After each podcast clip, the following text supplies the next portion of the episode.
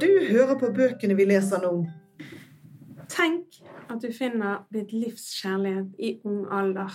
Dere blir stormende forelsket, og så blir han savnet. Du finner en ny kjærlighet etter mange år. Men hva skjer når den første dukker opp igjen? 70 år gammel får lyriker Hans Sande vite at faren han vokste opp med, ikke var hans biologiske far. Den biologiske faren var nemlig overlege i psykiatri på Valen sykehus, med lobotomering som spesialfelt. Du finner et bilde av din mor som ung, der du ser henne som fri og åpen. Jeg har lest boken One True Loves, eller Emmas valg, av Taylor Rankins G. Reed. Og jeg falt helt for den boken.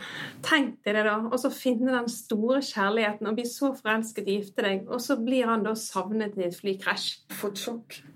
Ja, sant? Altså, du sitter helt med den Nei, er det mulig? Sant? Altså, når du endelig har funnet den, og den ubegripelige sorgen, for så å starte på nytt, finne en ny en og bli så stormende forelsket igjen, forlove deg og så finner de da den første mannen i livet. Enda større sjokk. ja, for hva gjør du, sant? Ja. Det er gått mange år. Begge har endret seg. Og, og hva, hva, gjør du? Altså, Hvem velger du? Hvordan, hvordan tar du det valget? Ja, hvordan reagerte hun som hadde hovedrollen, holdt på å si? Nå snakker vi om bøker, da. Nei, så det blir jo et sjokk. at dette er jo et menneske du har elsket dypt og inderlig. Men du har liksom på en måte du har sagt ha det til den personen. Du har lukket den esken. Det blir nesten som å åpne Pandoras eske. Og så står du overfor et valg. Og følelsene dine er jo, det er jo noe der med en gang. sant? Mm. Men samtidig så har du jo en ny som du elsker. Du er jo heldig som elsker to, da, i hvert fall. Ja, sant. Det er jo også det de to oppi der. Det kommer en tilbake som ikke har tenkt på noe annet enn hun de siste årene. Ja. Og så er det han som endelig liksom har funnet hun, og så har jeg spurt om hun vil gifte seg med han. Men hvor fant du denne boken, da? Eller hvorfor begynte du å lese den? Vet du hva, jeg skulle fly til Tyskland, og jeg hadde glemt bøker, og jeg tenkte å, jeg finner noe inn på Bookbites. Leit etter det, så jeg trender på TikTok, så tenkte det må være gøy. Så så jeg på flere bøker, og så falt valget på den som heter Emmas valg på norsk. Og ikke verdens beste forside, hvis det er lov å si det. Men jeg leste bakpå, så ble jeg litt sånn revet med. Altså tenkte jeg jeg forstår hvorfor denne trender på TikTok. Ja, Hva er det som gjør at en bok trender på TikTok? Vel, Det jeg har bare sett av sånn kort av videoene, er jo litt det samme som jeg følte det var denne boken. For midt i boken så tenker du jeg må snakke med noen om dette. Hvem, hvem skal hun velge? Du blir så revet med. Du har så lyst til å vite hvordan det går. Og jeg ser det samme på TikTok, for det begynner liksom at vi må snakke om denne boken. Her er det nært. Her er det ting du kan relatere deg til. Her er det at du kjenner det. Altså, ja. Når flyet landet, så tenkte jeg å nei, er vi fremme allerede? Så du holdt igjen flyet, du, rett og slett? Jeg hadde veldig lyst til det, altså. Du, det er en page-turner er best på reise. For det da har du noe å gjøre alltid. Du sitter og slipper å sitte, bare sitte i flyet uten å få gjort noe.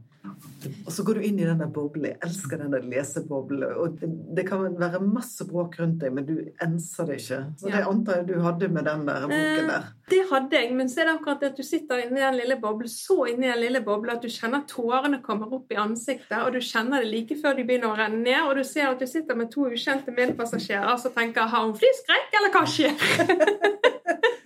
Gi den damen litt valium! Husk lommetørkle.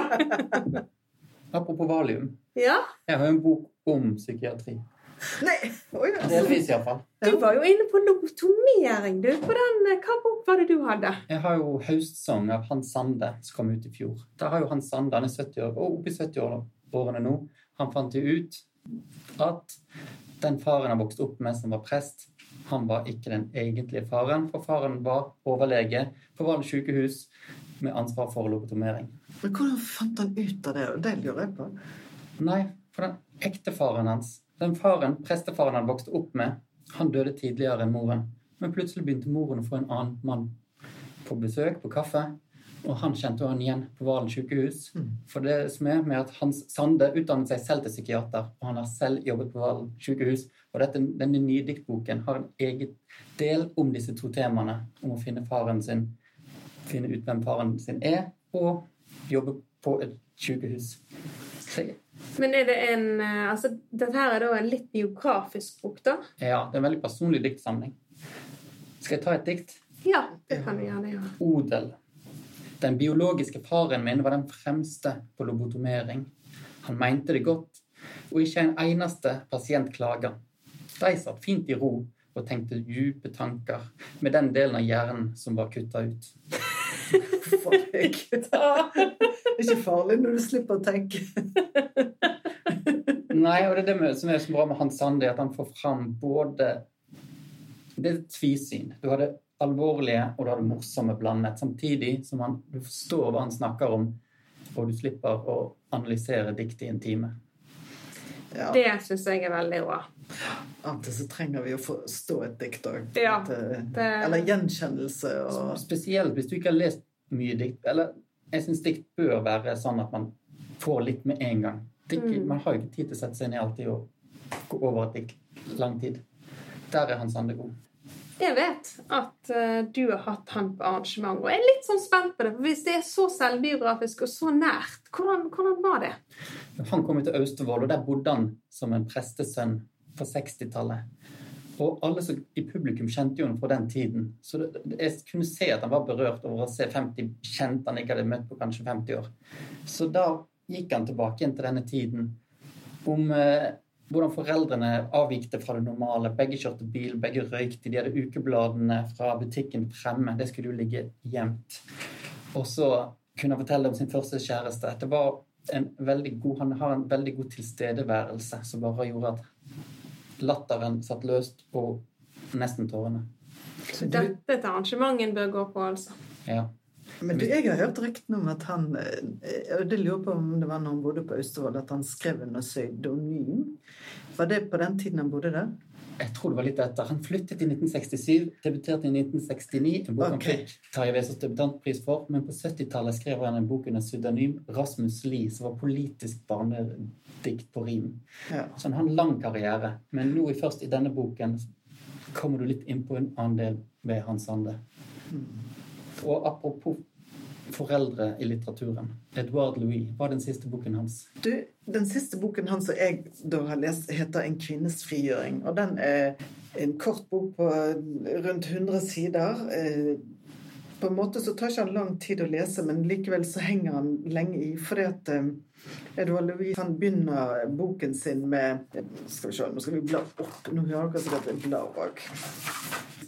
Den første setningen i boken, den heter 'Alt begynte med fotografi'. Og da eh, ser han et bilde ut av moren som eh, har et sånt åpent og fritt eh, blikk. Og det overrasker han, det at eh, moren eh, var jo egentlig en undertrykt kvinne pga. farens tyranni. Hun var stort sett sur.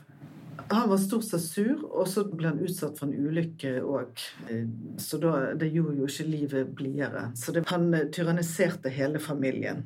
Som blant annet eh, en gang de var på sånn eh, landsbyfest, så ropte han tvers over eh, gårdsplassen der 'Kom her, din feite kjerring', noe sånt. da. Og Tenk å behandle sin elskede på den måten. Så det sier jo litt om hvordan, hvor undertrykt hun var. Men på dette bildet så var hun åpen og fri. Og det var akkurat som han hadde lyst til å finne igjen den der kvinnen. Så det handler jo litt om denne reisen som moren gjorde fra å være undertrykt og til slutt klare å eh, løsrive seg eh, fra mannen til slutt. Var det noe du kjente igjen som berørte deg litt, som du tenkte på når du leste denne boken? Ja, jeg ble så berørt av det der med bildet, for jeg husker sjøl denne opplevelsen. Jeg har ikke lignende oppvekst, det må jeg bare få si, men det var noe med det bildet Jeg fant et bilde av min mor i badedrakt med litt sånn utfordrende positur og eh, sånn flørtende blikk til fotografen, og jeg ble litt sånn Wow.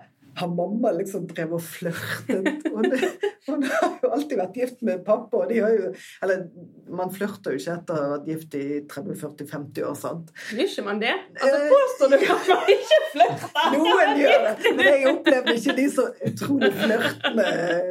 Men det er vel noe med det, de rollene man har å bli, bli tredd inn i, og ikke kan komme seg ut av. Ja, og det, det er jo det Edvard Louis er opptatt av. Han er veldig opptatt av samfunnskritikk, og han mener jo egentlig at um, det er ikke selvforskyldt det å Mm. bli fattig. Og det, det, det er noen beskrivelser der inne i boken som gjør at du Ja, og det å tenke på at noen lever sånn som det der. For det å ikke ha råd til eh, skikkelig mat og ikke få lov å være med på sånne ting som andre kan. og Du blir på en måte en outsider. sant? Og han gikk jo egentlig på skole for rikere, så han ble jo enda mer outsider. Men han gjorde en klassereise. Han Hva gjorde- slags reise gjør moren? Ja, det er jo det at hun klarer å løsrive seg fra, eh, fra mannen, da, og så finner hun seg eh, heldigvis en ny mann som på en måte du opplever kjærligheten med igjen, og der hun eh, blir fri. I hvert fall i det som Eduard beskriver hun, at hun, han opplever henne som en fri kvinne. Mm. Ja, som tittel. Ja. Men hva skal vi si om disse bøkene? Hvem vil, vil vi anbefale dem? Ja, altså, Det spørs jo hva du liker å lese. Jeg håper jo at vi har gitt et godt inntrykk av litt forskjellige typer bøker her. Og One True Loves av Taylor Jenkins Reed, eller Emmas valg, er den som jeg har presentert om uh, kjærlighetens valg. Skal vi kalle det det? Og jeg har jo presentert eh, Hans Sande sin høstsang som kom ut i fjor. Og den, den mener jeg Leser du ikke mye lyrikk, men vil prøve deg litt fram på det, så er den perfekt. Ja. Og jeg mener jo at eh, er du opptatt av samfunnet, er du opptatt av historie For det, han, han forteller jo litt om oppveksten på 90-tallet. Så er det en bok eh, du bør lese. Og så er den så kort at du Dette har du tid til. Du har tid til å pusse tennene. Da har du tid til å lese denne. Det får vi håpe. Tusen takk for at dere eh, lyttet til oss, og velkommen tilbake. Ja, ha det. Ha det.